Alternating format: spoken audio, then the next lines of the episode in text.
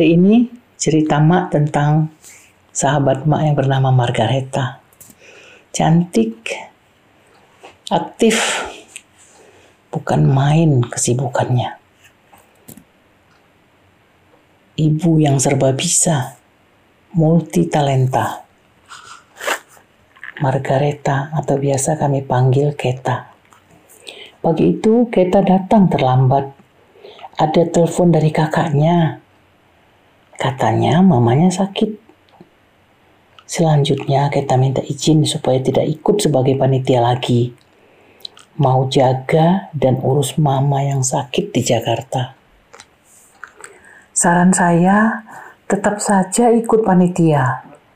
Status izin saja. Tapi kita menolak, tetap mau mundur. Sebulan kita merawat mama yang sakit. Sesekali telepon, tapi mama semakin parah, kritis. Dan beberapa hari kemudian, mamanya meninggal. Kita kembali ke Bandung. Sesampainya di Bandung, kita mau istirahat karena kecapean. Begitulah yang kami ketahui. Kita istirahat. Hari berganti hari, minggu berganti hari. Sebulan kemudian ternyata kita bed rest di rumah sakit. Tidak boleh dibesuk Mak dan rekan-rekan yang lain pernah ke rumah sakit ingin besuk Eta, tapi di pintu kamarnya ditempel kertas dengan tulisan yang besar-besar, dilarang besuk. Ada apa? Mak cari tahu ke sana kemari, bertanya, apa sebab tidak boleh besuk? Penyakit apa? Kok sudah sekian lama? Kenapa tidak boleh besuk? Ada apa? Kami berdoa untuk Eta, anak-anak dan suaminya sulit ditemui dan telepon tidak diangkat. Mau tanya siapa ya? Semua tidak boleh ketemu Keta kecuali anak-anak dan suaminya. Hati mak mulai gelisah, bertanya-tanya. Mak berusaha besuk Keta dan berdoa supaya Tuhan Yesus Kristus memberi jalan, solusi bagaimana cara besok kita ke rumah sakit yang katanya dengar-dengar kita sudah sering tidak sadar. Satu hari mak telepon suami kita, telepon diangkat, dijawab dengan terisak-isak. Dan mak bilang, kalau begitu sore nanti mak mau ke rumah sakit, lihat kita. Suaminya diam, tidak menjawab. Siang itu, mak belanja. Mak beli buah-buahan kesenangan Keta untuk dibawa besuk Keta nanti ke rumah sakit. Sorenya mak siap-siap ke rumah sakit. Besuk Keta yang pintu kamarnya masih ditulis dengan tulisan tidak boleh dibesuk. Satpam dan perawat yang ada di situ melarang. Tapi mak nggak mundur. Mak bilang, Mak sudah janji mau besuk. Mak sudah janji dengan suami Ibu Margareta. Mak ketok pintu dan suami kita keluar. Menyambut Mak dan manggut-manggut ke satpam dan perawat jaga yang tadi berusaha menghalangi Mak masuk. Tapi suami kita sudah mempersilahkan Mak masuk.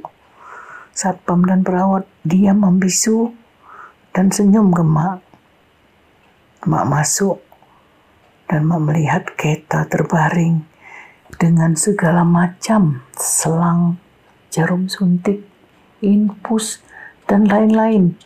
Penuh. Anak-anaknya ada di ruangan itu.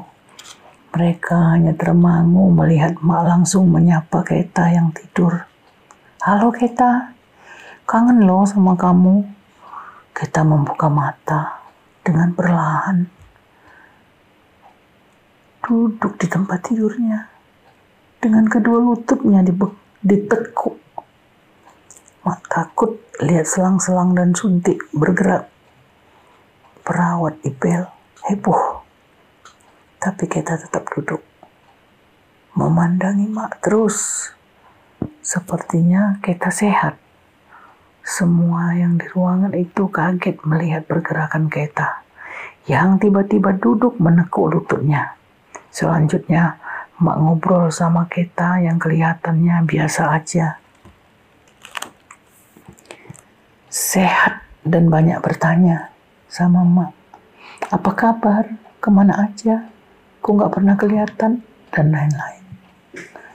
Akhirnya, kita menanyakan hal firman Tuhan yang tertulis pada kitab Lukas 10 ayat 9.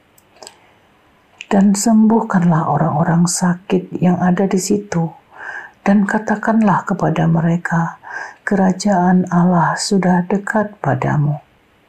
Ayat ini menjadi pokok pembicaraan kami. Mak menjelaskan dan kita mendengarkan dengan tekun, fokus Ayat ini menjelaskan Tuhan Yesus Kristus menekankan bahwa kerajaan Allah dikaitkan dengan penyembuhan orang sakit.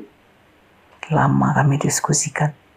Terakhir kita menanyakan kesembuhan dan sembuh yang bagaimana ya mak? Mak terdiam. Kita memandang mak dengan tajam. Ingin jawaban yang pas dan jelas dalam hati mak mohon pada roh kudus untuk menjawab pertanyaan kita. Mak jawab, yang pasti adalah kesembuhan yang terbaik yang diberikan Tuhan. Yang diberikan Tuhan Yesus Kristus kepada kita. Kita harus tetap berharap bahwa sembuh yang kita terima adalah kesembuhan yang terbaik. Dan kita harus yakin akan kuasa Tuhan Yesus Kristus yang akan memberi yang terbaik karena Tuhan Yesus Kristus adalah kesembuhan itu sendiri. Dijawab kita dengan amin. Dan wajah kita tampak tersenyum. Tidak seperti sebelumnya. Sebelum Mak jawab pertanyaannya, wajahnya tegang. Berharap jawaban yang dapat memuaskannya. Mak senang melihat kita tersenyum manis. Tidak terasa satu jam besuk sudah berlalu. Kita melihat emak melirik jam yang tergantung di atas pintu. Dan tiba-tiba tangan kita yang ada suntikan infus dan lain-lain itu menyentuh dan menggenggam tangan emak. Doakan aku ya. Mak mengangguk Mak melihat Keta sukacita. Matanya seperti bersinar dengan senyum cerianya. Keta berbisik, anakku belum ada yang menikah. Tugasku belum selesai. Tapi Mak memandang Keta, berharap Keta akan melanjutkan kata-katanya. Tapi Keta terdiam dan diam tapi kehendak Tuhanlah yang jadi. Oh iya ya, mari kita berdoa. Semua kami yang ada di ruangan itu menundukkan kepala dan melipat tangan berdoa kepada Tuhan Yesus Kristus. Bapa yang kami panggil di dalam nama Tuhan Yesus Kristus, Bapa yang baik, yang menyayangi dan mengasihi kami semua yang ada di ruangan ini khususnya sahabat kami Keta yang kami kasihi. Syukur dan terima kasih ya Tuhan, Engkau masih memberi kami waktu untuk bertemu dengan Keta yang baik, bersatu dan sepakat memuji dan memuliakan namamu. Tuhan Yesus Kristus, dengarlah permohonan kami, khususnya sahabat kami Keta, jangan pernah engkau biarkan dia sendiri. Pegang tangannya kuat ya Tuhan Yesus kita memohon memohon ampunanmu kuat kuasamu untuk menyembuhkannya karena kita masih punya tugas-tugas dan tanggung jawab di rumah tangganya di keluarganya dan anak-anaknya belum ada yang berumah tangga padahal sudah layak menurut usia sudah layak untuk mendapatkan seorang pendamping hidupnya begitulah keinginan kami. Tapi kami yakin dan percaya kehendak-Mu lah yang jadi. Janganlah kehendak kami. Karena kehendak dan rencana-Mu lah yang terbaik bagi kami dan bagi kita yang kami kasihi. Sempurnakanlah doa kami ini Tuhan supaya berkenan di hadapan-Mu. Dan semua yang sudah kau berikan bagi kami dan khususnya bagi keluarga di sini dan yang akan Engkau tambah-tambahkan lagi kepada kami. Kiranya semua hanya untuk kemuliaan bagi namamu yang besar saja anugerah dari Tuhan Yesus Kristus dan kasih karunia dari Allah Bapa dan persekutuan dengan Roh Kudus yang akan menjaga dan memelihara kami mulai saat ini sampai dengan selama-lamanya. Amin. Akhirnya, Mak pamit. Tangan Mak tetap masih dipegang Keta. Matanya basah. Mak bertahan kuat untuk tidak menangis. Perawat membantu Keta untuk berbaring dan memperbaiki letak jarum suntik, infus, dan lain-lainnya seperti sedia kala. Dalam perjalanan pulang, Mak menangis. Mak merenung. Semalaman Mak melamun berdoa untuk Heta supaya Tuhan menyembuhkannya, sehat dan aktivitas lagi. Tapi kehendak Tuhanlah yang jadi. Kehendak Tuhan berbeda dengan kehendak kita ciptaannya. Subuh jam 5 kita sudah kembali ke haribaannya. Memento mori, ingat kematian. No party that never ends. Tidak ada pesta yang tidak akan berakhir. Semua manusia pada akhirnya akan meninggalkan dunia ini. Mungkin ini juga alasan seorang penulis seperti Ryan Holiday membawa koin bertuliskan memento mori. Ingat kematian di sakunya. Koin itu sebagai pengingat akan kehidupan manusia yang begitu singkat dan semua aktivitas seseorang sepopuler apa pun dia juga akan berakhir.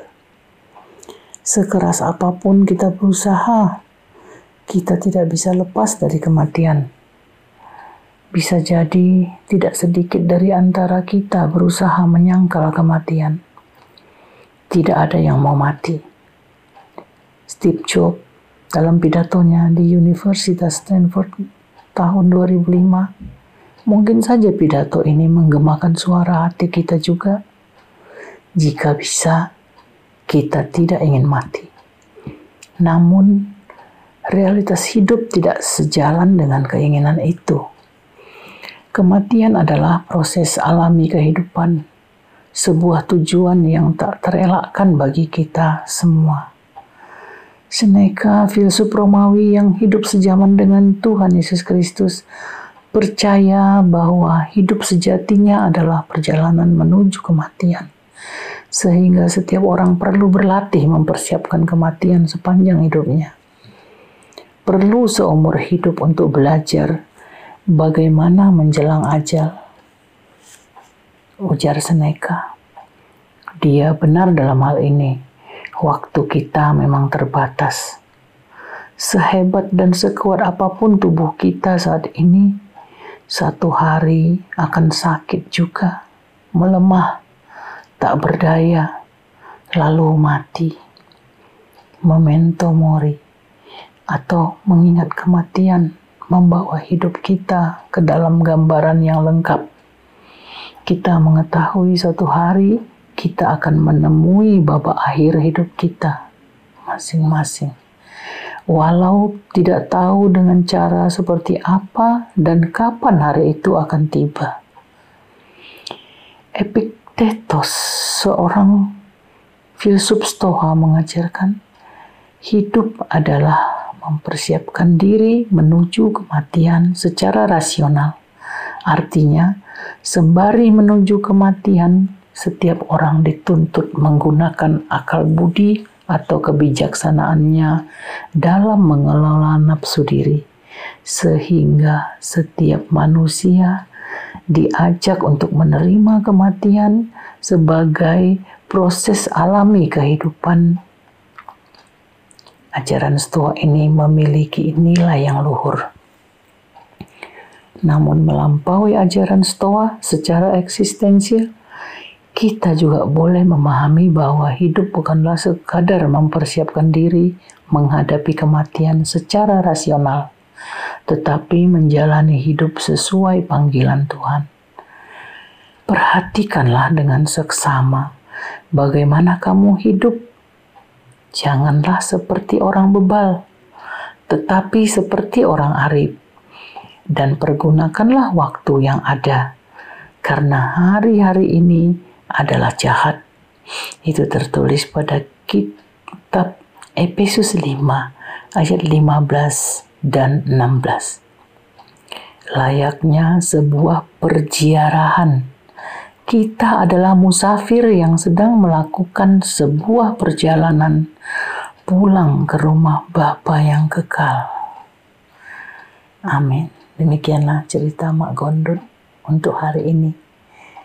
Kita berjumpa lagi minggu depan pada cerita yang berbeda. Salam